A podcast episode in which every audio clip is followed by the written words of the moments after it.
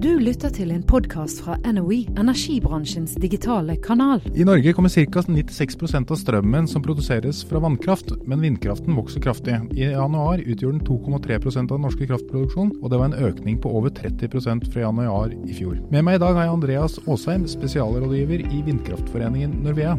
Sendingen sponses av NOE Communication Conference, en konferanse for alle som jobber med kommunikasjon i olje- og energibransjen. Meld deg på via ecc.no media. Og Andreas, hvorfor satser Norge på vindkraft? Det korte svaret er rett og slett fordi det blåser forferdelig mye i Norge. Eh, vi har kjempegode vindressurser, eh, og det er en ressurs vi skal utnytte til glede for både folk og industri. Men eh, vi har jo nok energi i Norge. Norge produserer såpass mye fra vannkraft at vi har kraftoverskudd selv uten vindkraft. Hvorfor skal vi da satse på vindkraft på toppen av det? Det korte bildet er at vi må skille mellom energi og elektrisitet. Vi, har, vi er selvforsynte med elektrisitetsproduksjon i et normalår. Samtidig så har vi en 150-170 170 TWh, nesten altså mer enn vi produserer fra elektrisitet, i fossile eh, brensler. Eh, det skal vi fase ut. Eh, og Der kommer vindkraften til å spille en stadig viktigere rolle. Så det er først og fremst å bruke vindkraften til petroleumsutvinning og strømforbruk, elektrifisering av sokkelen og sånt dere ser for, eller hva tenker du? Altså Elektrisitet er elektrisitet. Når det først er matet ut på nettet, så er det umulig å spore elektronene. Og det å bruke vind sammen med vann, altså vannkraften som vi kan lagre i magasinene våre, eh, gjør at de kan lettere og raskere elektrifisere samfunnet ved å mate inn mer produksjon fra både vind og vann, og sol for den saks skyld også. Hvor i Norge er det det er best forhold for å satse på vindkraft? Vi er jo så heldige her til lands at vi har gode vindressurser helt fra Lindesnes til Nordkapp. Eh, både langs kysten og også nå i, i Innlandet. Men vi ser eh, nå to, si, to sentre, gjerne da, eh, på Sør-Vestlandet, i Rogaland og i Midt-Norge på Fosen. De aller beste vindressursene våre de ligger i Finnmark, på Varangerhalvøya f.eks., hvor vi har verdensklasse ressurser. Hvorfor satser vi ikke for fullt på eh, vindkraft i Finnmark, da? Finnmark er fryktelig langt fra stort forbruk. Eh, det er veldig langt til nett. Vi har for dårlig nett nettkapasitet per dags dato til at vi rett og slett kan bygge ut mer. Det er kjempesynd. Eh, på Varangerhalvøya så ligger det konsesjonsgitte prosjekter hvor man har bygget ut deler av konsesjonen som er i den soleklare europatoppen. Men de får ikke knytte seg til med den resterende konsesjonen, for det er ikke plass i nettet, rett og slett. Så nettkapasiteten er for dårlig. Er det noen planer om å rette opp dette? Både ja og nei. Eh, Statnett har i lang tid jobbet med deres KVU Nord, konseptvalgsutredning i nord. Eh, den har rett og slett blitt lagt litt i skuffen. Statnett kom her før eh, midten av mars med eh, nyheten om at de bygger til Skyder, som er et veikryss, eh, litt enkelt forklart, i, i Vest-Finnmark, men ikke kommer til å bygge videre østover fra Skyder til mot Kirkenes. Det er kjempesynd. Vi kommer til å få nett her oppe. Eh, om det blir Statnett som tar lederrollen eller noen andre, det gjenstår å se. Men eh, vi har blitt satt litt tilbake av den avgjørelsen, dessverre. Er det slik at det rett og slett mangler nok industri som kunne tatt og brukt strømmen som blir produsert oppe i Finnmark? For jeg skjønner jo at det kanskje er vanskelig å lage et nett som sender all strømmen fra Finnmark og ned til Oslo eller enda lenger syd i Norge? Eh, ja, det er klart. Altså, I Finnmark så bor det noe sånn som 74 000 mennesker. Det finnes ikke noe, store, noe stort forbruk. Du har Melkøya, som i dag går på gassturbiner. Eh, jeg kan ikke fatte og begripe at ingen har tatt og koblet det til nettet. Eh, men det finnes ikke annet tungt forbruk i Finnmark, særlig øst for Skaidi. Vi snakka mye om vindforholdene langs kysten. Hva er egentlig forskjellen på det å sette vindturbinene eller vindmøllene på land og sette dem til havs eller langs kysten? Ja, Det kan du si. Den største forskjellen er prisen. Det er vesentlig dyrere å sette det ute i havet. Men det endrer seg veldig raskt. Eh, vi ser nå i eh, store deler av Europa, i Nordsjøen egentlig, så bygges det vind til konkurransedyktige priser. Vi kommer til å se de første subsidiefrie offshoreparkene tidlig på 2020-tallet. Det er fortsatt dyrere enn hva det er landbasert. Det er den store forskjellen. Den, den positive siden selvfølgelig er at konfliktarealene er, om ikke fraværende, så er det mindre trolig på havet enn det er eh, på land. Og du kan bygge i en enorm skala ute på havet. Så havvind, sånn som Statoils Hywind utenfor Skottland, sånt, den er uproblematisk, mens det er mer vanskelig å få bygd eh, langs kysten i Norge? Jeg vil nok ikke, altså Uproblematisk er det jo ikke. Det finnes interesser også på havet, eh, som fiskeri, eh, sjøfart, fugletrekk, for å nevne noen. Vi har jo hatt ett prosjekt i Norge som fikk nei, fordi det ikke var nok havvindnette, om du vil, på Siragrunnen. Det lå ikke langt nok ut. Det er kanskje den eneste forklaringen på det, jeg, som jeg klarer å se. Men ja, det er lett lettere, det er mindre konfliktnivå på havet enn hva det er på land. Det er ikke noe tvil om. Hva er det som gjør at det blir konflikter? Er det Dette er jo eh,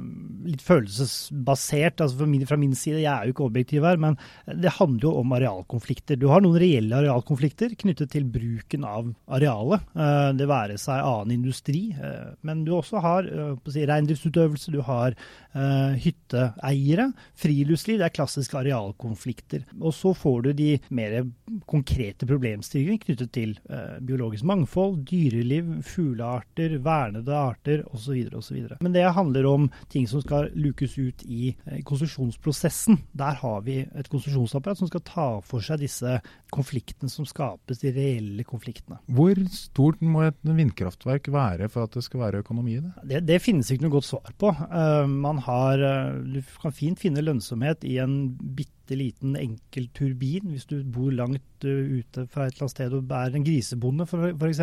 Men vi ser òg at man har Du får jo selvfølgelig stordriftsfordeler av å bygge, bygge, stort. Ja, for dette med en bonde som ønsker å bruke vindkraft og sånt. Vi ser jo at solkraften har blitt veldig populær både privat, men også blant bønder og sånn. Og jeg har googla litt og sett litt på eBay og sett at det går an å kjøpe en vindturbin og sette hjemme, men jeg er liksom ikke helt klar for det. Det, det blir nok sol istedenfor vindturbin hjemme. For deg og meg, Anders, så vil det nok bli sol som gjelder. Hadde vi derimot vært en, eh, en grisebonde på Jæren f.eks., er du litt teknisk kyndig, så kan en vindturbin fint fungere for deg. Du må ha et visst, visst forbruk for at det skal fungere. Og så er det klart, en, et, vind, et, vindkraftverk i en sånn type størrelse er jo litt større enn en, en solfanger på taket. Sendingen sponses av NOE Communication Conference en konferanse for alle som jobber med kommunikasjon i olje- og energibransjen. Meld deg på via ecc.media. Hvor store blir eh, vindturbinene når vi snakker om de største som er tilgjengelige nå? Oi. Uh, de aller største uh, offshoreturbinene de er på altså Vesta sin V164. Da snakker vi rotordiameteren. 164 meter i diameter. De produserer 9,5 megawatt i merkeeffekt. Altså det er nesten 10 megawatt. På én enkelt turbin. På en enkelt turbin. Den største som nå skal lages, det er GE sin. Den blir 12 megawatt. Eh, og da trenger du da, da, går det fort, altså, når du er på den størrelsen. Men da blir den godt synlig også, så argumentet til de som ikke liker å se på en uh, vindturbin? Dette er jo offshoreturbiner.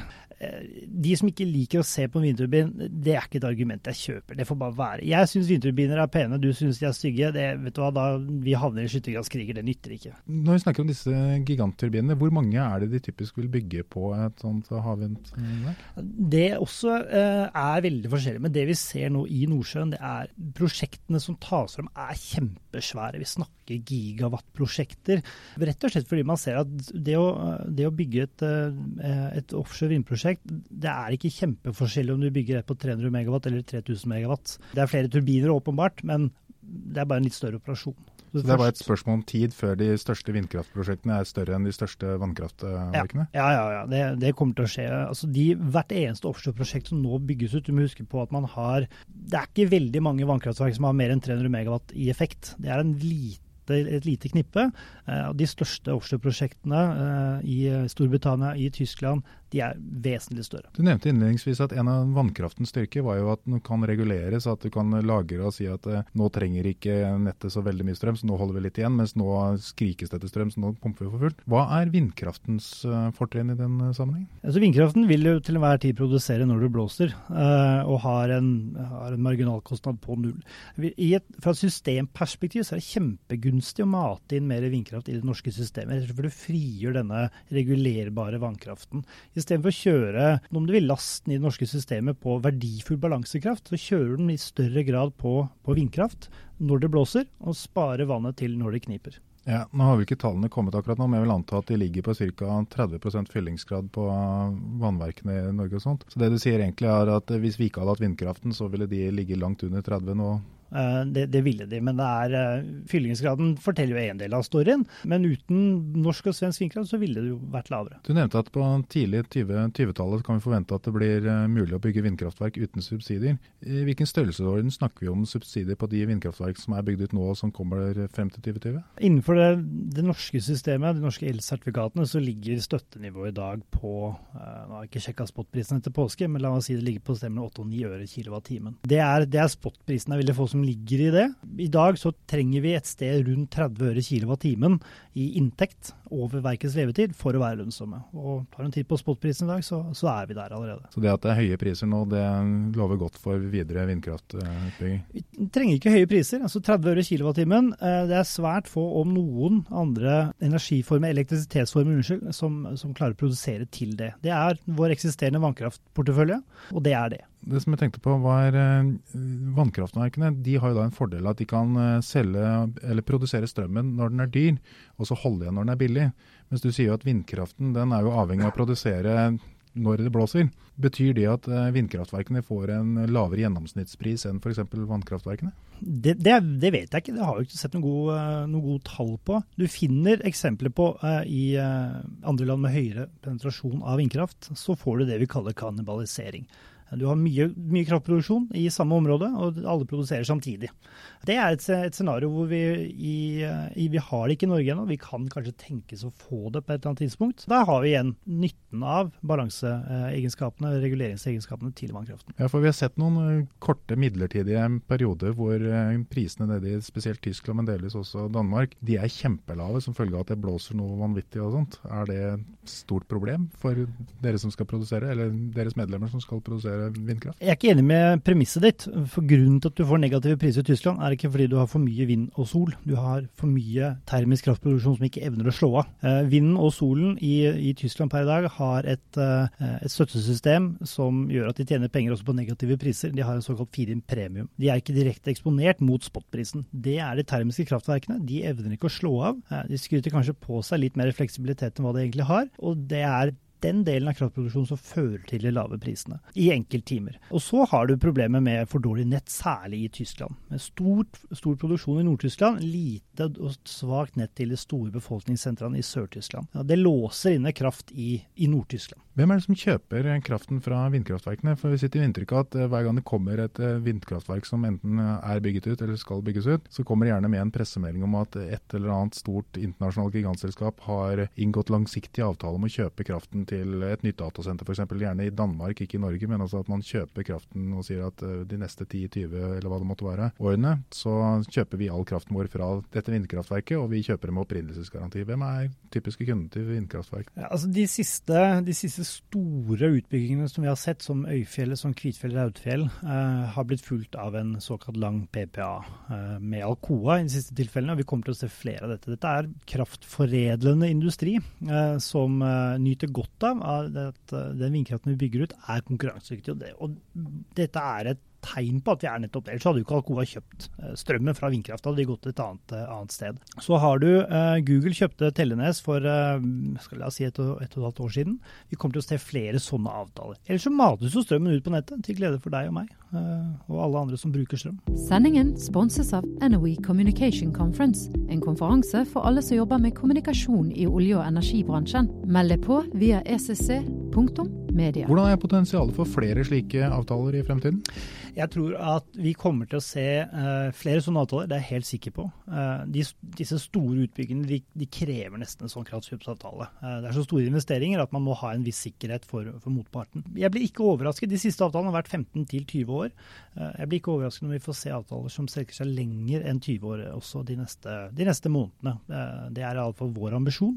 og det muliggjør vi, vi fjerner oss fra denne den skal bare mates ut og ødelegge systemet. Vi går rett inn og sikrer industriarbeidsplasser her hjemme, og det syns jeg er kjempegøy. Men er, for oss er, handler dette om at skal vi ha en, et eh, bærekraftig marked også etter at subsidiene er ferdig i 2020, så må vi ha enten et vekst i forbruket med ny industrietablering, eller få en elektrifisering av samfunnet. For vi, vi kommer ikke til å bygge ut mer kraftproduksjon hvis vi ikke har et marked å selge det til. Så egentlig så trenger vindkraften at vi bruker mer strøm, mens det på andre områder sies at vi skal være litt mer strømeffektive. Så sier dere nei, bruk mer strøm, for da kan vi bygge ut mer energi eller mer eh, industri? vi, vi, skal gjøre, vi, skal gjøre, begge deler. Vi skal ha eh, energieffektiviserende tiltak over hele føla. Det er et av de målene vi kommer til å bli rammet av ordentlig eh, fra EU. Selv om vi sier at jo, vi er så rene og fine, eh, det er teit at vi skal spare strøm, så er det ikke det. Her er jeg faktisk helt enig med den delen av miljøbevegelsen som sier at den beste kilowattimen er den vi ikke produserer eller forbruker. Men det ville vært en,